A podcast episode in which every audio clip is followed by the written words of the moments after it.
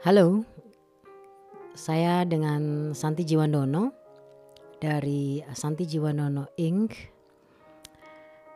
Selamat datang di uh, edisi perdana dari podcast uh, mengenai dunia komunikasi dan segala dinamika seluk-beluknya. Um, sebelum saya memulai edisi perdana ini, um, mungkin saya ingin cerita sedikit mengenai siapa saya. Uh, jadi saya sempat menjadi seorang karyawan di sebuah perusahaan multinasional di Surabaya dan di Jakarta selama 20 tahun.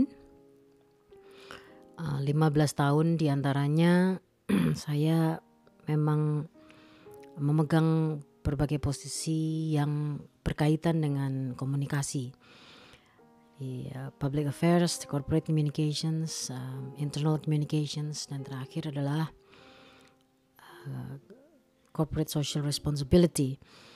Dan um, yang paling membuat saya sangat terkesan dan sangat syukuri adalah kesempatan ketika saya diminta menjadi seorang manajer communications uh, internal communications ketika perusahaan di mana saya bekerja um, diakuisisi oleh perusahaan asing. Nah selama empat tahun saya mencoba membangun uh, departemen yang tadinya tidak ada. Kemudian saya bangun dan saya belajar. Lalu dari situ saya menemukan banyak sekali insights dan pemahaman bahwa komunikasi di dalam perusahaan itu ternyata juga sama pentingnya dengan komunikasi perusahaan keluar ke publik. Nah, di tahun sekitar 2005 eh, memang belum banyak eh, wacana mengenai internal communications, komunikasi uh, organisasi atau komunikasi dalam perusahaan pada saat itu. Tapi kemudian saya belajar dan setelah selesai masa bakti saya pada sebuah perusahaan di tahun 2011 saya uh, memutuskan untuk pensiun dini dan kembali ke kampung halaman saya di Kota Malang.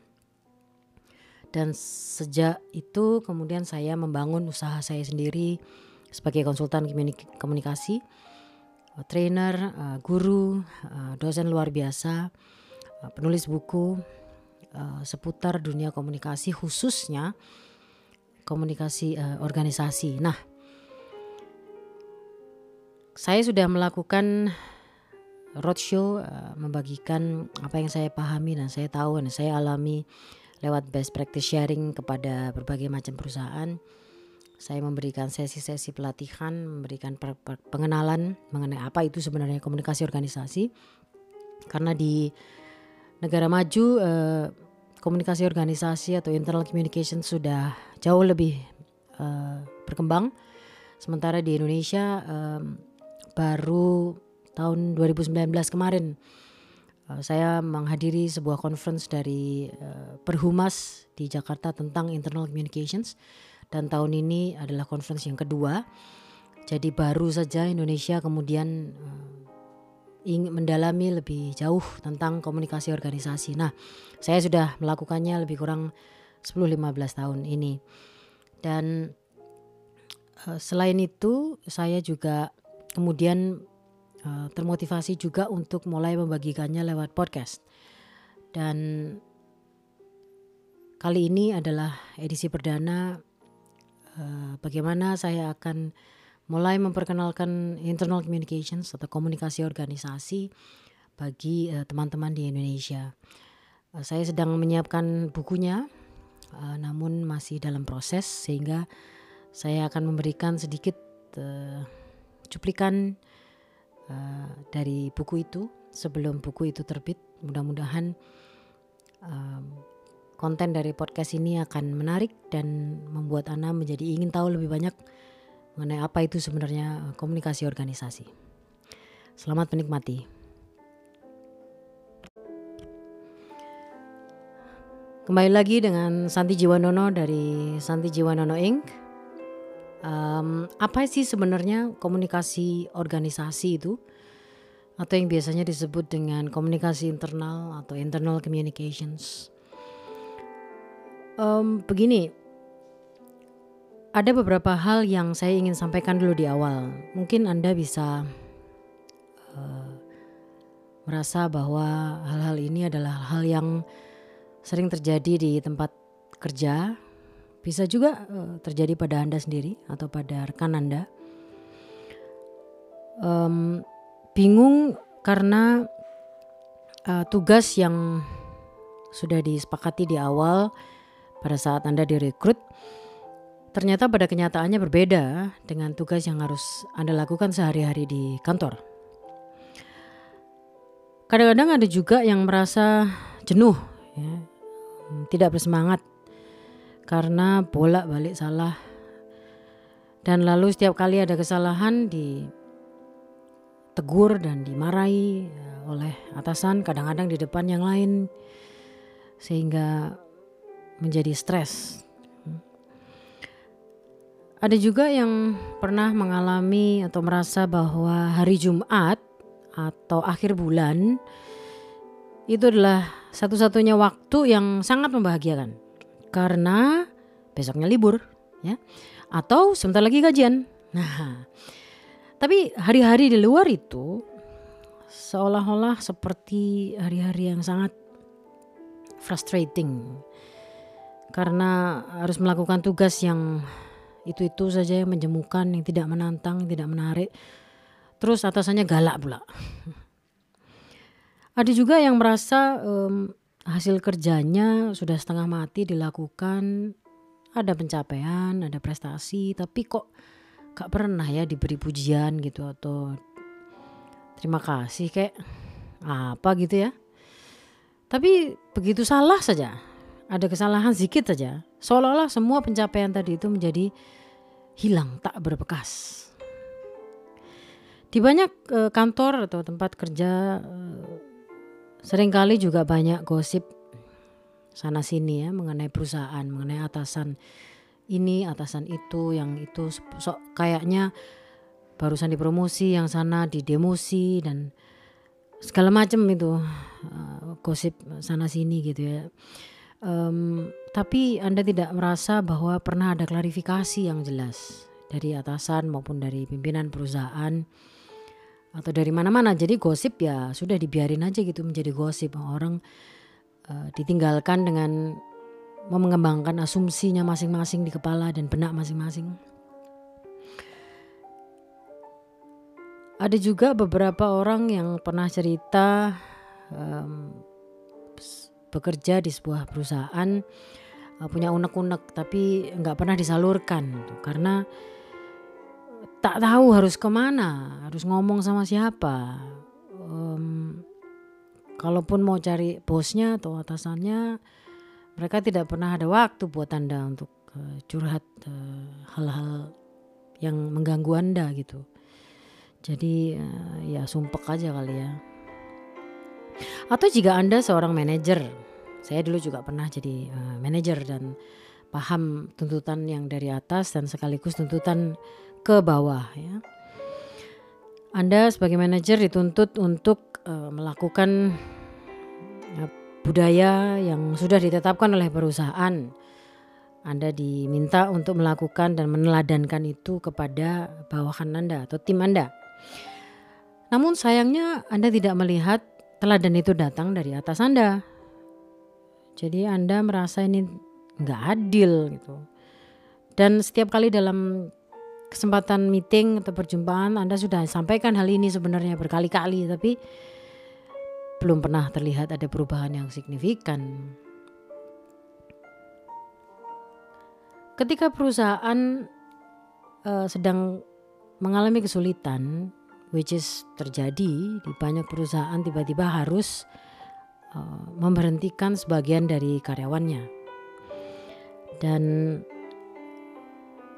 Anda mungkin termasuk di dalamnya. Ketika Anda harus pergi, atasan Anda memberitahukan Anda lewat email. dan tidak pernah datang menemui Anda untuk menyampaikan hal buruk ini. Sehingga Anda tidak saja kehilangan pekerjaan tapi Anda merasa sangat kecewa karena uh, dilepas begitu saja lewat email pula. Uh. Nah, itu yang saya ceritakan tadi adalah hal-hal yang terjadi di banyak perusahaan atau di organisasi bisa jadi mungkin juga pernah Anda alami, pernah Anda rasakan. Nah, mem itu adalah uh, beberapa contoh atau indikasi bahwa dalam perusahaan itu belum ada yang namanya internal communications atau komunikasi internal yang direncanakan. Atau mungkin komunikasinya ada, ya nggak mungkin nggak ada ya. Semua orang bicara semua orang mengirim email semua orang saling bertukar informasi untuk bisa bekerja. Namun hal itu tidak dijadikan budaya dan dilakukan sambil lalu saja gitu sehingga dianggap sudah cukup. Ketika ada masalah ketika ada krisis baru leh komunikasinya di on kan dijalankan. Nah Perusahaan adalah organisme hidup yang juga perlu adaptif untuk bisa menghadapi perubahan. Apalagi di zaman teknologi ini perubahan begitu cepat. Dan yang lebih penting lagi adalah karena penggerak utama di dalam perusahaan adalah manusia. Saya dan Anda, kita ini adalah manusia. Nah, manusia yang hadir dengan uh, segala latar belakang, harapan, kebiasaan, masalah masa lalu, keunikan, dan segala kemanusiaannya uh, yang lain. Bayangkan itu semua harus saling membangun relasi untuk bersama-sama bekerja dan membantu perusahaan menuju tujuannya. Nah untuk bisa adaptif dan bisa selalu istilahnya apa ya luas untuk bisa turut berubah. Nah, perusahaan harus saling terikat satu sama lain, terintegrasi istilahnya. Departemen atau fungsi manusia di dalamnya harus saling terhubung dengan konkret.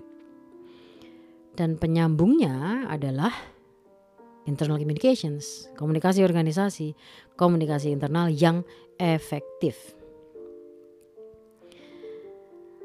Nah, berikut adalah manfaat yang yang bisa didapat oleh perusahaan jika komunikasi internalnya dijadikan prioritas sejak awal, kemudian direncanakan dan dibangun budayanya di dalam uh, perusahaan.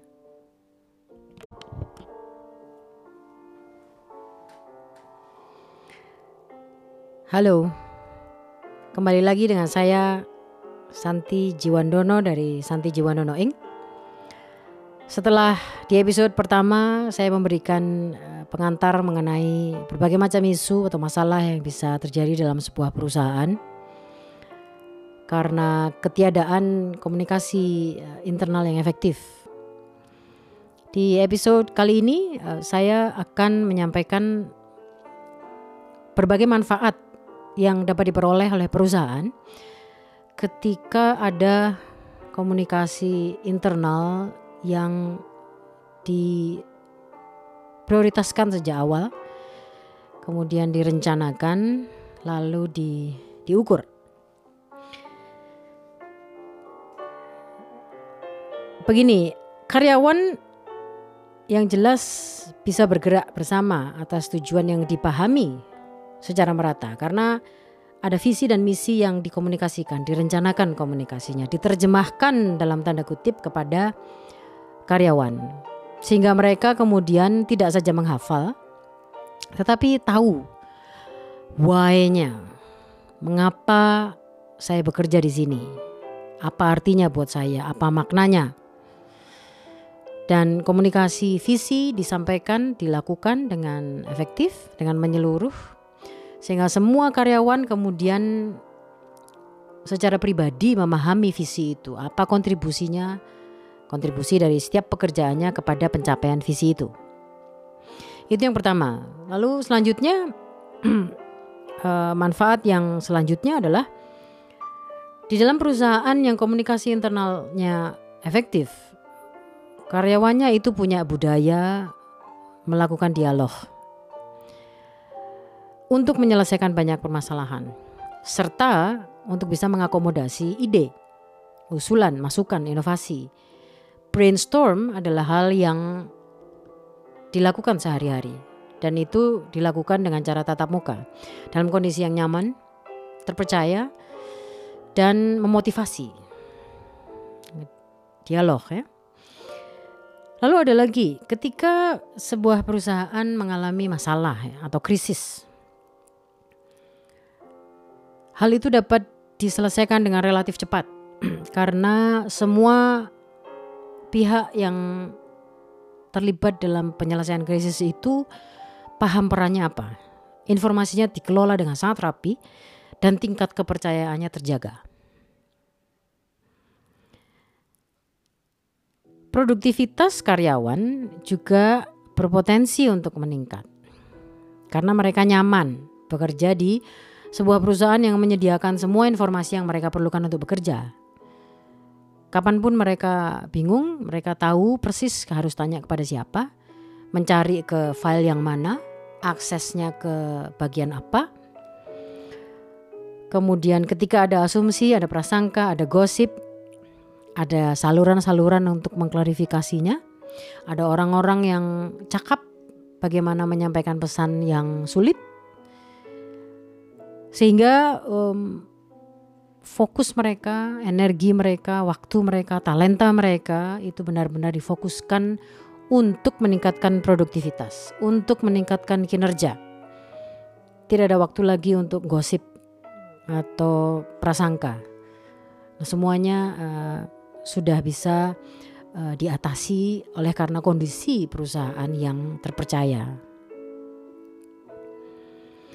Selain itu, karyawan juga pasti akan termotivasi untuk bisa membagikan tacit knowledge-nya itu. Tacit knowledge adalah knowledge, informasi, hasil pelajaran, hasil pengalaman yang dia dapat sendiri pada saat dia mengerjakan pekerjaannya. Dan itu sering kali tidak ada di textbook. Itu ada di kepalanya dia, hal-hal yang dia pelajari di jalanan. hal-hal um, yang dia pelajari dari kesalahan, kegagalan, Ketika itu kemudian menciptakan sebuah hasil yang bagus, karyawan termotivasi untuk membagikan itu kepada perusahaan sehingga orang lain bisa melakukan hal yang sama ketika orang lain menemukan persoalan yang sama. Jadi eh, perusahaan itu bisa berkembang, knowledge-nya banyak atas jasa karyawan-karyawannya yang dengan segala ketulusan dan keikhlasannya membagikan knowledge-knowledge itu bagi perusahaan.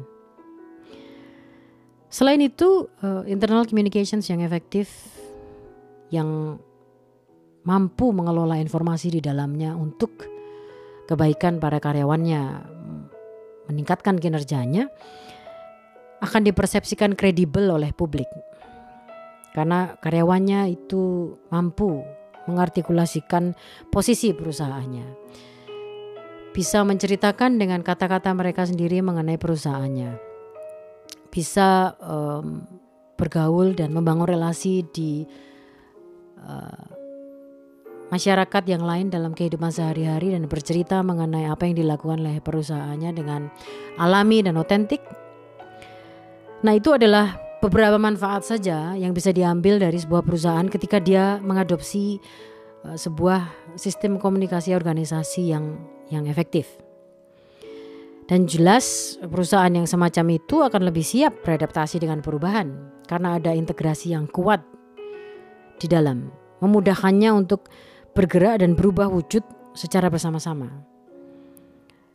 Perusahaan yang yang adaptif seperti itu akan lebih mampu terus bertahan. Nah, Institute of Internal Communications memberikan definisi atas peran internal communication saat ini, yakni sebagai fungsi yang memberdayakan, yang membuat organisasi itu uh, bekerja. Seperti semacam pelumas yang membantu melancarkan kinerja organisasinya atau sebagai jembatan yang menciptakan hubungan antara manusia dan fungsi-fungsi yang ada di dalam perusahaan. Sehingga ada juga peningkatan pemahaman mengenai kaitan antara komunikasi, engagement, dan keberhasilan organisasi secara menyeluruh.